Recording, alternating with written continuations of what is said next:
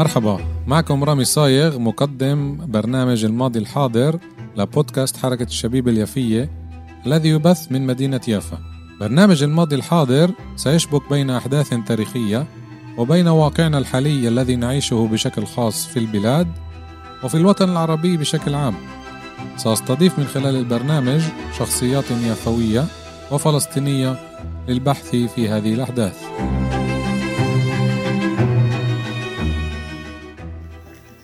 تحياتي مجتمعاتنا ومستمعينا الكرام من جميع أنحاء العالم. حلقة جديدة من برنامجي الماضي الحاضر. وراء الميكروفون رامي صايغ. هاي آخر حلقة لسنة 2022 بتمنى للجميع السنة الجاي تكون سنة خير وسلام حقيقي على جميع المظلومين ولا سيما أهالينا في فلسطين وفي الشتات. ونحو التحرير وإن شاء الله سنة 2023 تكون أفضل من سنة 2022 ونتمنى للجميع الخير والسلام. حلقة اليوم رح أشدد على قرية كتير تم آه، ذكرها بفترات معينة لأنها على الساحل الفلسطيني وللأسف اليوم مش مش موجودة على أرض الواقع بسبب طمس وهدم قوات الاحتلال آه، عام النكبة القرية هي قرية أم خالد اللي تم بناء مدينة نتانيا على أراضيها ومستعمرات أخرى. مين هاي القرية وإيش المواصفات تبعتها؟ القرية كانت تنهض على التل من الحجر الرملي وببعد أقل من كيلومترين عن شط البحر الأبيض المتوسط.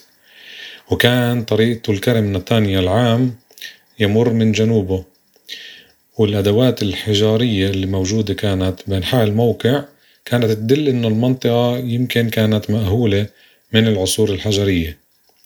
وموقع القرية يشتمل على حصن روجر اللومباردي اللي بناه الصليبيون.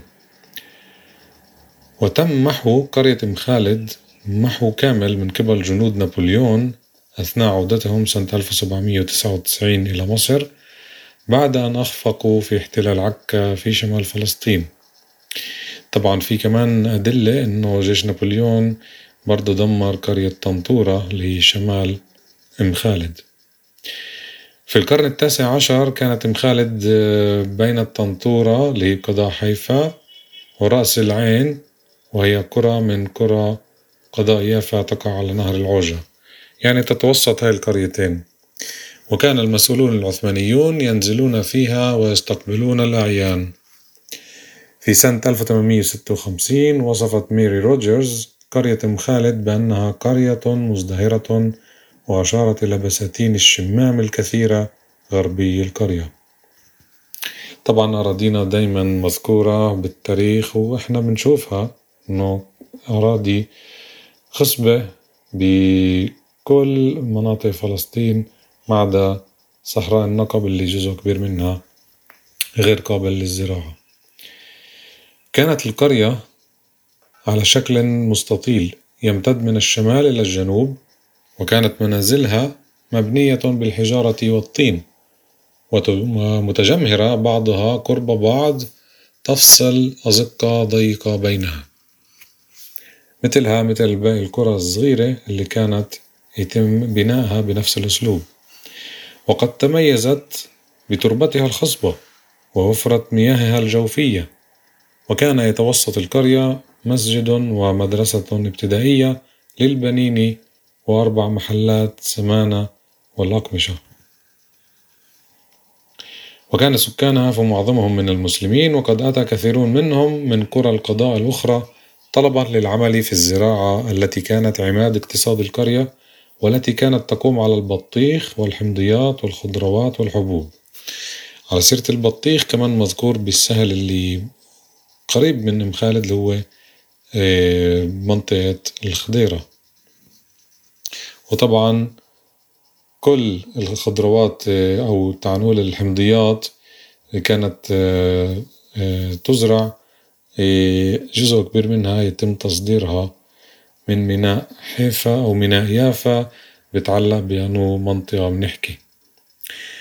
سنة 1945 كان مجموعة 46 أو 47 دنم من القرية مخصص للحمضيات والموز وألف وتمنمية وتلاتين دنم مزروع حبوب وسكان القرية كانوا يعتنوا كمان بتربة بتربية المواشي وبصنعوا طبعا الألبان والأجبان والقرية نفسها اشتملت على الآثار اللي اكتشفوها حوالين القرية اللي كانت هي عبارة عن بقايا أبراج وحصون وآبار وصهاريج وخزانات وخزفيات.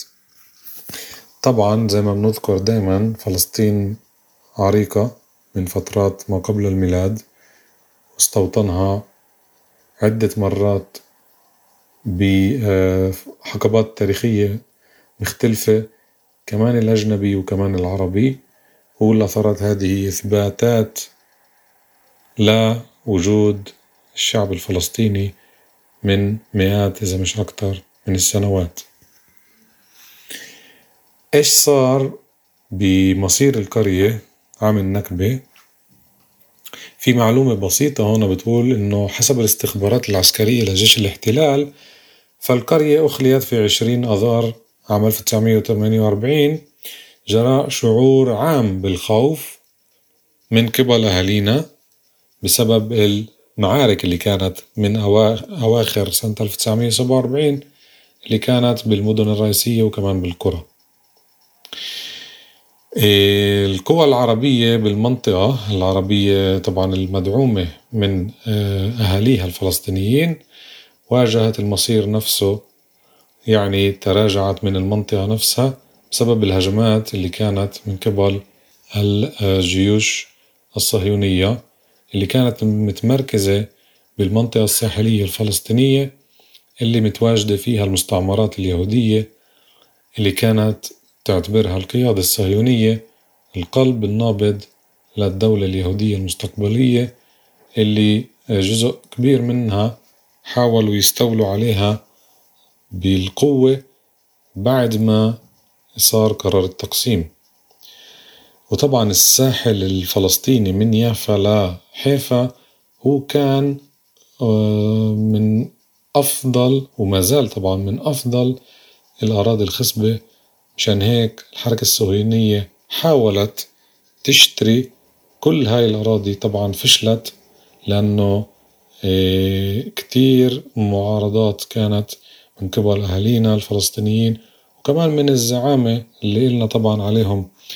آه، لوم وطبعا للأمانة كمان نقدر نقول إنه منعوا من ناحية تانية تسريب الأراضي وبيعها للحركة الصهيونية. فبسبب وجود آه، قرية أم خالد بالساحل اللي لازم حسب الرواية اليهودية يكون الدولة العبرية تم العمل على طرد أهاليها الفلسطينيين قبل ما يصير في تأسيس دولة الاحتلال بخمسطعش أيار من عام 1948 إيش مع بقايا القرية؟ بات موقع القرية جزءا من مدينة نتانيا وقد بقيت بعض المنازل وهي تستعمل للسكن أو لأغراض تجارية كمستودعات لشركات عبرية أما الأراضي المجاورة فقد غرست فيها أشجار الحمضيات. كمان ابتلعت ضواحي مدينة نتانيا اللي تأسست سنة 1929 معظم أراضي القرية وقد دمجت مستعمرتا جان خيفر اللي تأسست بعد النكبة ونيرا اللي تأسست 1941 لتشكلا سنة 1953 مستعمرة واحدة كبرى وهي شاعر خيفر. وتغطي هذه المستعمرة جزءا من أراضي قرية أم خالد. يعني بعد الطرد تم تجزئة الأراضي من جديد حسب الاحتلال وحسب آه، تقسيماته الضرورية لتشكيل مستعمرات جديدة. المصدر اللي قرأت منه هو مصدر الكتاب كي لا ننسى للمؤرخ الفلسطيني وليد الخالدي عام 1997 طبع في مؤسسة الدراسات الفلسطينية في رام الله. آه، حلقة اليوم قصيرة جدا للتذكير طبعا حلقاتنا مستمرة كل يوم تنين وخميس مع رشا بركات الكاتبة الفلسطينية اليفوية ومعي رامي صايغ الباحث التاريخي من يافا. جميعنا أهالي يافا نود توجيه التحية لجميع أهالي فلسطين في العالم كله وبشكل خاص لأهالينا في الشتات. نتمنى للجميع سنة ميلادية جديدة عامرة بالفرح والسلام والاستقرار والتحرر من جميع آفات الاحتلال وأن نعيش بخير وسلام حقيقي. وبتمنى لمستمعينا طيب الاستماع. كل عام وأنتم بخير. ميلاد مجيد على الجميع. كل سنة وأنتم سالمين والله معكم. تنسوش تتابعونا على صفحاتنا بالفيسبوك حركة الشبيبة اليافية وبودكاست حركة الشبيبة اليافية. طبعا تطبيقاتنا اللي بنعرض فيها حلقاتنا بالبودكاست هي Spotify Google Cast Apple Cast و Podbean لنا لقاء آخر. إلى اللقاء.